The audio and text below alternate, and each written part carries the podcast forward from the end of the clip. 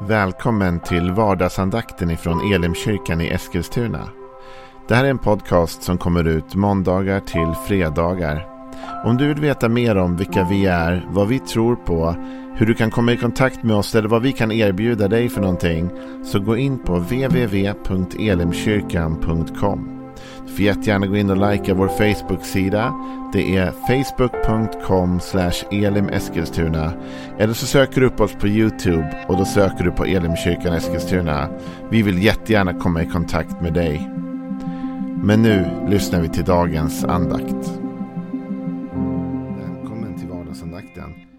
Den här veckan så har vi ägnat oss åt att titta på lite olika segment av Jesu bergspredikan. En av hans mest kända predikningar som vi läser om i Matteus kapitel 5-7. Och eh, vi har inte gått igenom den från, från början till slut eller vers till vers. Utan vi har lyft fram olika delar bara. Och liksom satt fokus på. Och idag skulle jag vilja ta fokus på något som jag tror är verkligen viktigt för vårt liv. Alltså. Och det handlar om vår längtan om att bli ledda och att hitta ledning i livet. Jag tror att vi alla har den längtan. Vi alla söker hela tiden efter förebilder. Vi söker efter människor som kan visa oss hur ska jag egentligen leva mitt liv. Det börjar ju från det att man är ett litet barn va? och man ser liksom iakttar sin omgivning för att lära sig hur allting fungerar. Det märker man ju när man har flera barn att liksom det första barnet så vissa saker tar lite längre tid att lära sig men när man har det tredje barnet som kommer det ser du syrran gör, det ser du brorsan gör, det har exempel att ta efter hela tiden och det går väldigt fort med en del saker. Hur ska jag då veta vem jag kan följa? Det är ju utmaningen idag. Och vi lever ju i en tid där det finns fler, kanske gurus, höll jag på att säga, än någonsin. Va? Just med sociala medier och mycket annat som har kommit så finns det människor överallt och i varje buske som vill berätta för dig hur du ska leva ditt liv. Kvällstidningarna basunerar ständigt ut sådana budskap och på Instagram och på Facebook är det fullt av konton av människor som liksom ska hjälpa dig att ha en bättre hälsa, en bättre ekonomi, ett bättre äktenskap, bli en bättre förälder och så vidare. Vara mer kreativ, vad det nu kan vara. Det finns ju människor som hela tiden vill vara din förebild. Och du letar efter någon som kan leda dig. Och det där kan ju skapa problem. Hur ska jag veta vem jag kan ta inspiration av och vem jag kan följa? Då läser vi från Matteus 7, vers 15 och framåt. Akta er för de falska profeterna. De kommer till er i fårakläder, men i sitt inre är de rovlystna vargar. På deras frukt ska ni känna igen dem. Man plockar väl inte vindruvor från törnbuskar eller fikon från tistlar. Så bär varje gott träd god frukt, men ett dåligt träd bär dålig frukt.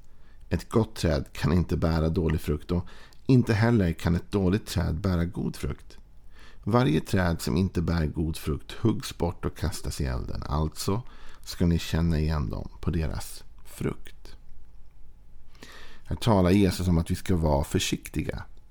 Inte bara följa vilka röster som helst. Inte vara blint, ha ett blint förtroende för alla som kommer och vill tala in i vårt liv.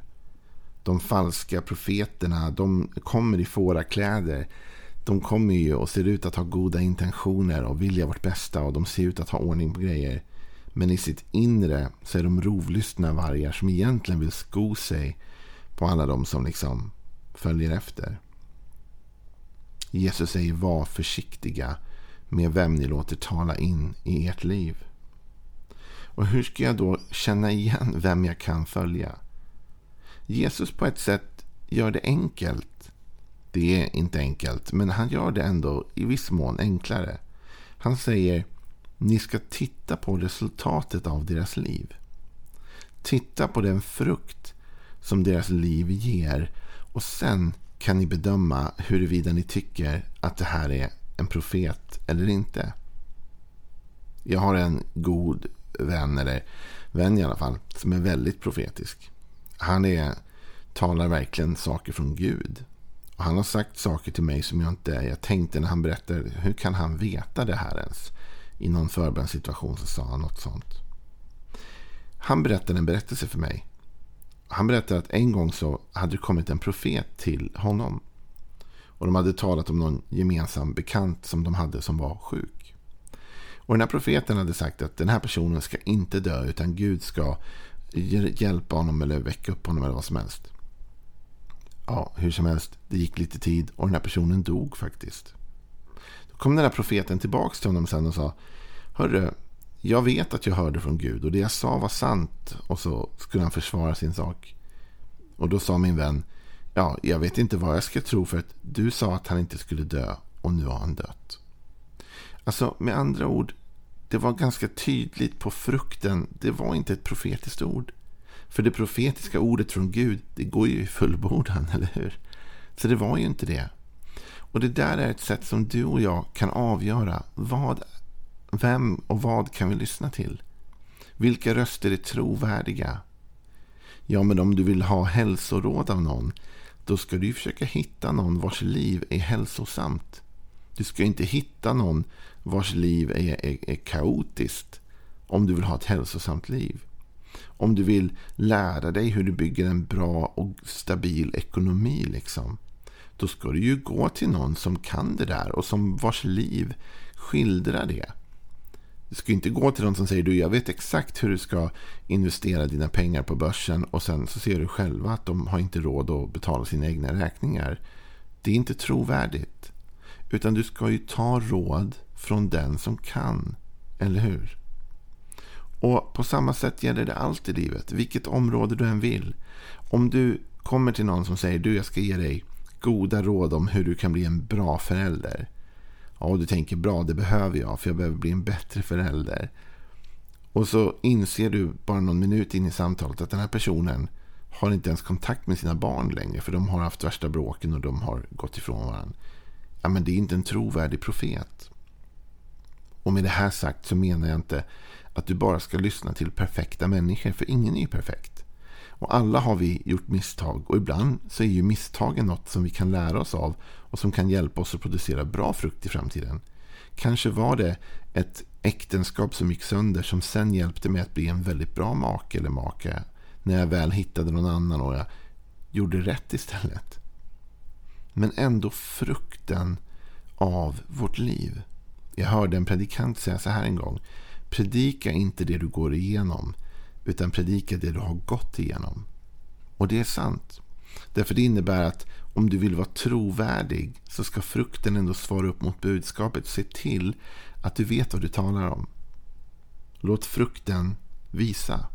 Det här är intressant i Bibeln därför att Jesus själv får frågan av några om han verkligen är Messias. Det är Johannes döparen som ställer frågan via sina lärjungar. Vi kan läsa om det i Matteus 11, vers 2. Johannes fick i fängelset höra om Kristi gärningar och han sände då bud med sina lärjungar och frågade honom Är du den som skulle komma eller ska vi vänta på någon annan? Jesus svarade dem Gå och berätta för Johannes vad ni hör och ser. Blinda ser, lama går, spetälska blir rena, döva hör, döda uppstår och fattiga får höra glädjens budskap. Salig är den som inte tar anstöt av mig. Här talar, när Jesus får frågan om han är Messias, om han är den som de skulle vänta på, så säger han inte bara ja, gå och säg till Johannes att Jesus sa ja. Eller, han undervisar dem inte heller bara från Bibeln. Utan vad han gör är att han säger gå och berätta för Johannes vad ni hör och ser. Frukten av mitt liv. Att de som är runt omkring mig de blinda ser, de lama går. De spetälska blir rena, de döva hör, de döda uppstår. Och de fattiga får höra glädjens bud. Och när de gick tillbaks och berättade det för Johannes. Då blev det uppenbart, en sån frukt kan bara komma av Messias själv. Frukten vittnar om profetens, så att säga, trovärdighet. Det finns en berättelse i Gamla Testamentet också om en man som heter Josef. Ni vet Josef som såldes som sina bröder och fördes till Egypten. Och, och han hade mycket framgång, han hade mycket motgång och till slut så landade ju allting väl. Men så här står det i första Mosebok 39 och vers 1. Josef hade förts ner till Egypten och Potifar, en egyptisk man som var hovman hos farao, befälhavare för livvakterna, köpte honom av ismaeliterna som hade fört dit honom. Herren var med Josef och han blev en man som lyckades med allt. Han var i sin egyptiska herres hus Och hans herre såg att Herren var med honom eftersom Herren lät allt han gjorde lyckas i hans hand. Josef fann nåd inför Potifars ögon och fick betjäna honom. Och Potifar satte honom, som, satte honom över hela sitt hus och lämnade allt han ägde i Josefs händer. Vet du, här talas det om att Potifar såg att Gud var med Josef. Han såg det genom frukten av Josefs liv. Att det är någonting med den här personen. Det är en frukt i hans liv som visar att ja, men Gud är med den där personen. Så frukten avslöjar. När du och jag letar efter människor att vara våra förebilder. Människor som vi kan lyssna till och lära av. Så ska vi titta på frukten av deras liv. Är Gud med dem? Och vet du, då kan det bli lite lurigt. Därför ingen av oss är perfekt. Och det är så komplext egentligen att vara människa. Att vi kan ha god frukt på vissa områden av vårt liv och dålig frukt på andra områden. Det kanske är någon som är oerhört duktig på ekonomi och har byggt ett stabilt ekonomiskt hem. Men som är jättedålig på relationer och som har bränt ut alla sina vänskapsband. Vad gör man med en sån person? Ja, man lyssnar på deras ekonomiska råd men man undviker deras relationella råd. Men det kan ju vara någon som har jättebra hälsa och som tränar mycket och, och eh, i den mån man kan påverka sin egen hälsa, det vill säga genom träning och kost och annat. Och de gör det. Men å andra sidan så har de ett jättedåligt temperament. De har ingen frid i sitt liv. Och vad gör man med en sån person? Man lyssnar till deras råd om hälsa. Men vad det gäller deras råd om hur man lever livet i övrigt för att skapa frid och ro och harmoni, där lyssnar man inte på deras råd. Och så är vi alla. Jag antar att jag som människa kan ge dig en del råd som är bra på områden där mitt liv bär god frukt. Och du kan se det i mitt liv, då kan du lära av mig kanske. Men det finns säkert delar av mitt liv som inte producerar lika bra frukt eller någon frukt alls. Och på de områdena kanske du hellre ska lyssna till någon annan människas råd.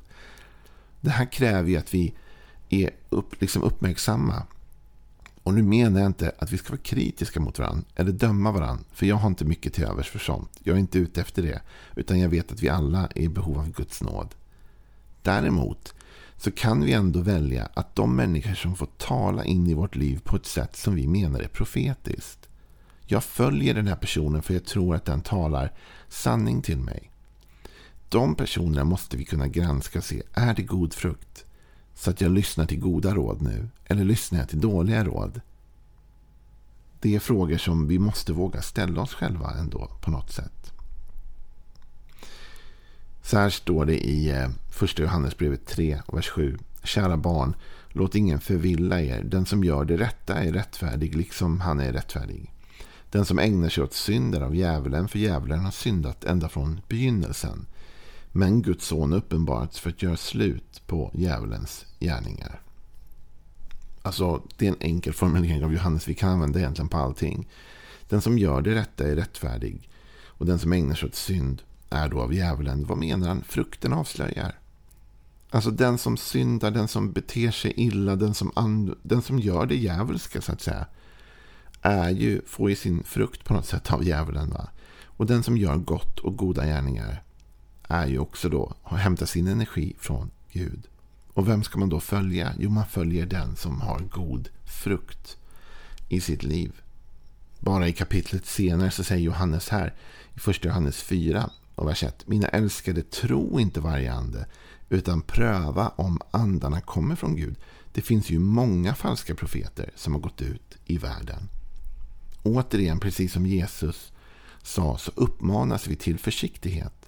Vi uppmanas inte till att vara sådana här liksom skeptiska och alltid tveksamma och cyniska. Det är inte det vi uppmanas till.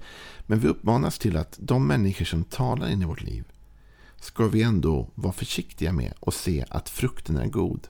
Vi ska lyssna till människor som vars liv återspeglar det goda råd som de ger.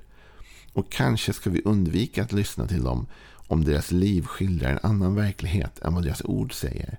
Därför då är kanske inte råden de bästa jämt. Och jag förstår att det kan vara mer komplext än så här. Och jag vet att ibland så ger människor råd man själv inte kan leva upp till och så vidare. Absolut. Men jag tänker ändå att i en värld med allt fler självhjälpsgurus och allt fler människor på Instagram och allt mer fler, fler människor som gör ut podcast som den här vardagsandakten och andra eh, jeppar. Så är det ju så här såklart att i allt detta informationsflöde så måste vi hitta vilka röster det är trovärdiga och vilka röster hjälper mig och vilka röster skälper mig. Och Jesus var ganska tydlig. Han sa på frukten känner ni igen dem. För ett gott träd bär god frukt, men ett dåligt träd bär dålig frukt. Låt oss börja där. Se på den som talar in i ditt liv. Är livet trovärdigt? Lyssna då på råden och, och våga ta emot dem. Är livet inte trovärdigt med orden? Var försiktig. Undvik gärna den typen av råd. Det var lite tankar inför helgen. Ha en välsignad dag. Vi är på måndag är vi tillbaka igen. Laddad med en ny vecka av vardagsandakten. Hej då.